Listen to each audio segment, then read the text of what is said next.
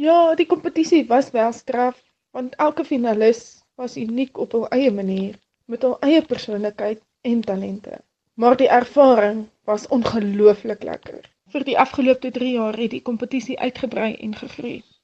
As gevolg daarvan dra die media 'n groot bydra tot die bewusmaking van gehoorgestremdheid en deur hierdie blootstelling verleen suksesvolle instansies hul bystand. Pretoria is dit aan die Universiteit van die Vrystaat studeer en is nou 'n onderwyseres by Laerskool Baklie Oos.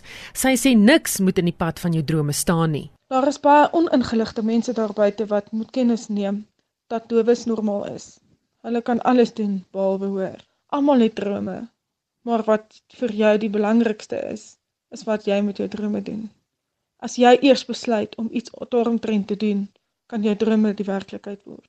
Pretoria sê terwyl sy die kroon draas met Juffrou Dowe 2017, wil sy haar toespits op liefdadigheidswerk veral onder die dowe gemeenskap. Ek wil graag betrokke raak by liefdadigheidswerk om te help waar ek kan.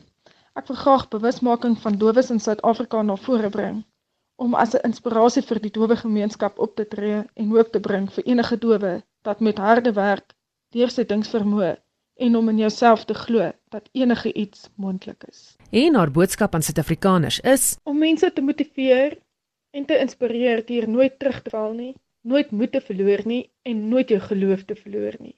Glo in jouself, kyk op en leef voluit.